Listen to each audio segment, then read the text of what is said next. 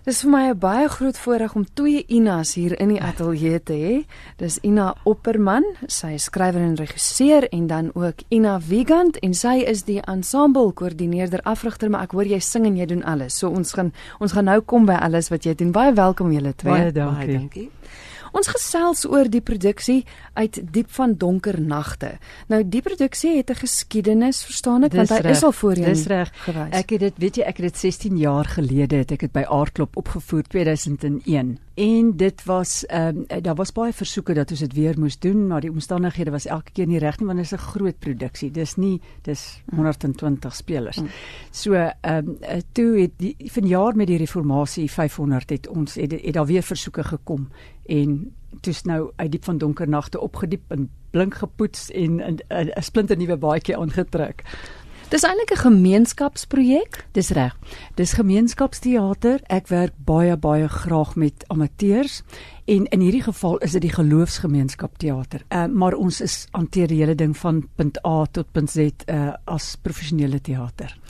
Wie is almal betrokke want soos ek verstaan is daar nie net mense uit die gemeenskap nie, klomp kerke is betrokke, ja, almal amateurs. Ja, 25 ja. gemeentes is daar ja. betrokke. En die ander interessante feit is dat daar 9 en 'n half predikante twee, ook betrokke is. Twee twee, twee teologiese studente ook. Ja. is dit waar die half inkom? o ja, o ja, en dan die oudste persoon wat deelneem is 85 en die jongste enetjie is amper 'n jaar. So. so uit die aard van die saak is daar audisies gehou, ja, daar's by ja, al die kerk gevra wie is deel. Oor 3 maande het ons audisies gehou. Dit was nogal 'n storie, maar ehm um, almal het gekom. En die mense kom van ver af. Ja. KwaZulu-Natal, Heidelberg, uh, die moed elke aand word daar gery van daar af om te kom ja, oefen. Kilometers Dis baie ver. Baie ver kom hulle. Ons gaan nou kom by die waar en die wanneer. Luisteraars kan so lank penne en papier gereed kry. Waaroor gaan dit? Weet jy, ehm um, Christel, ehm um, as jy nou in kort moet sê, gaan dit oor wat het in die lewe van gelowiges gebeur 500 jaar gelede. Daar was baie dramatiese gebeure wat plaasgevind het dit het eintlik gebeur in die tyd wat Luther en Calvin geleef het en 'n hele veldbrand deur Europa versprei het en en uh die kerk is so oë oopgemaak het rondom sekere geloofswaarhede en belydenisskrifte na vore gekom het. Guido de Bree die skrywer van die Nederlands geloofsbelijdenis maar om dit nou kort en interessant te sê dit speel eh, die gebeure van 500 jaar gelede wat afgespeel het in Europa Frankryk Duitsland Frank uh uh Switserland Nederland en dan uiteindelik die koms van die Huguenote na die Kaap. Maar ehm um, ja, wat het in die lewe gaan van gewone gelowiges gebeur te midde van al die dramatiese omwenteling in die kerk en hoe het hulle dit hanteer? Daar was baie martelare wat vir hulle geloof gestaan het. Een van die mees aangrypendste vroue wat my hart gesteel het was Marie Durand. Sy is as 15-jarige meisie uh, nadat haar pa en haar broer wat ook 'n predikant was, uh, gevang is doodgemaak is, is sy gevange geneem vir 15 jaar en sy moes net haar geloof, die protestantse geloof versaak, dan word sy vrygelaat en sy het geweier en sy is vir 40 jaar opgesluit. Vandag is daar 'n museum. Nou sy's een van die klein klein puntjies binne in ons produksie. So ons wys die hele storie wat oor die oor die vaste lande uiteindelik met die koms van die hiergenote na Suid-Afrika toe en dan wat doen ons as gelowiges? Uh ons moet die evangelie versprei. Ons moet dit moet dis 'n boodskap wat moet uitgaan na elke land, taal en volk en nasie. So ons eind haleluja. Het dus 'n Wenda gesin, ons het 'n Tswana gesin, ons het 'n Zulu gesin. Ons het 'n Engelse gesin, ons het 'n Afrikaanse gesin en almal in hulle eie taal verheerlik die Here. So dis 'n storie van hoop. Dis 'n storie van hoop Zeker. en dit is vir my, weet jy, dit gaan nie net vir my oor die reformatie of oor die kerkgeskiedenis of wat nie, maar dit gaan vir my as 'n boodskap van hoop in vandag se tye, se polities onsekere tye, godsdienstig onsekere tye om te sê ons het hoop om aan vas te hou. Ons het nie nodig om neerslagtig te wees oor oor oor enige iets nie want ons is kan leef as verlosters. Dit is wat ons hoop gee. Jy weet. Dit moet moeilik wees want ek meen mense het 'n sekere persepsie van kerkgeskiedenis. Ja. Droog, droog, droog, nou droog, dit droog. Ja. Ja. ja. Dit moes 'n uitdaging gewees ja. het om dit so toeganklik te maak dat mense dit wil sien en dit die hoop daarin sien. Dit is dis vir my baie belangrik geweest. Ek wou sê, hoe kan ek 'n kind bereik? Hoe kan ek iemand bereik wat niks weet van die kerkgeskiedenis nie? Hoe kan ek hom plaas 500 jaar gelede? So ons maak gebruik van multimedia teater in die ronde effek. Dit is my baie belangrik. My hele regiebeplanning is so dat ons uh, die spelers kom uit die gehoor. Ons het sewe ingange en die spelers stroom en staan op uit die gehoor uit flashmob styl en en en die gehoor word as ware ooggetuies van wat gebeur en die gehoor is self betrokke ook. So ons het dit probeer om die gehoor letterlik midde in die gebeure te plaas van 500 jaar gelede om dit aanskoulik te maak, om dit verstaanbaar te maak om dit om dit eenvoudig te maak, jy weet. Ina, kom ons kom gou by jou. Ek het nou vroeër genoem dat jy eintlik alles doen.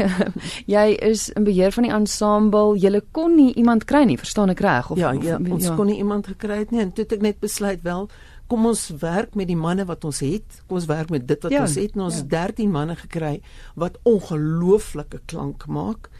En um, ag jy moet hulle sien, hulle is besig om so mooi te begin toneel speel. Al was daar 'n klomp van hulle wat nog nooit in 'n koor gesing het of op 'n verhoog toneel gespeel ja, het. Ja, dit was 'n baie groot werk taak wat sy aangepak het toe. Maar ons is daardeur, ons is aan 'n kant uit en ek is verskriklik trots op hulle. Maar jy sing self. Ek sing self. Ek het ook die voorreg om die rol te uh, sing van die moeder van die martelaar. In daardie tyd het die martelare as hulle na die brandstapel toe gesleep is, want hulle begin om geestelike liedere te sing. En dan het die soldate gegaan en hulle tonge uitgesny, want hulle wou nie daai getuienis gehad het ja. nie. En dan het hulle moeders of hulle vrouens of wie ook al het dan begin om namens hulle te sing. En dis presies waar die rol ja. wat ek sing. En soos ek verstaan, is dit skouspelagtig. Jy het 'n klomp verskillende goed saamgebring om dit ja. mooi te maak. Ja. Ja, dis eh, ek noem dit graag 'n kunstkollage mhm. van van van 16de eeuse kuns. Ehm um, uh die die die projek wat wat ons in 'n groot skerm projeksie wys. Ons het dan die ensemble, die ensemble wat die emosies verwoord wat uh uh tydens die stuk ons uh, opduik en dan ook as soos in opera styl deel word. Hulle is nie een kant nie, hulle is deel van die spelers. So hulle hulle staan tussen die spelers en en uh, en dan begin hulle spontaan sing. So dit is dit was 'n groot uitdaging geweest om so 'n klomp mense op die op die speelarea te hanteer.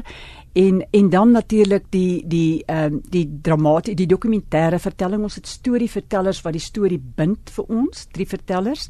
En dan die die die spelers wat self die ding oorgaan in die drama en dan die gehoordeelname. Ja o en dan het ons 'n kamermusiek Uh ons is baie opgewonde oor ons oorture van uit diep van donker nagte waarmee ons begin en dit dan ook ons tema musiek dwarsteer.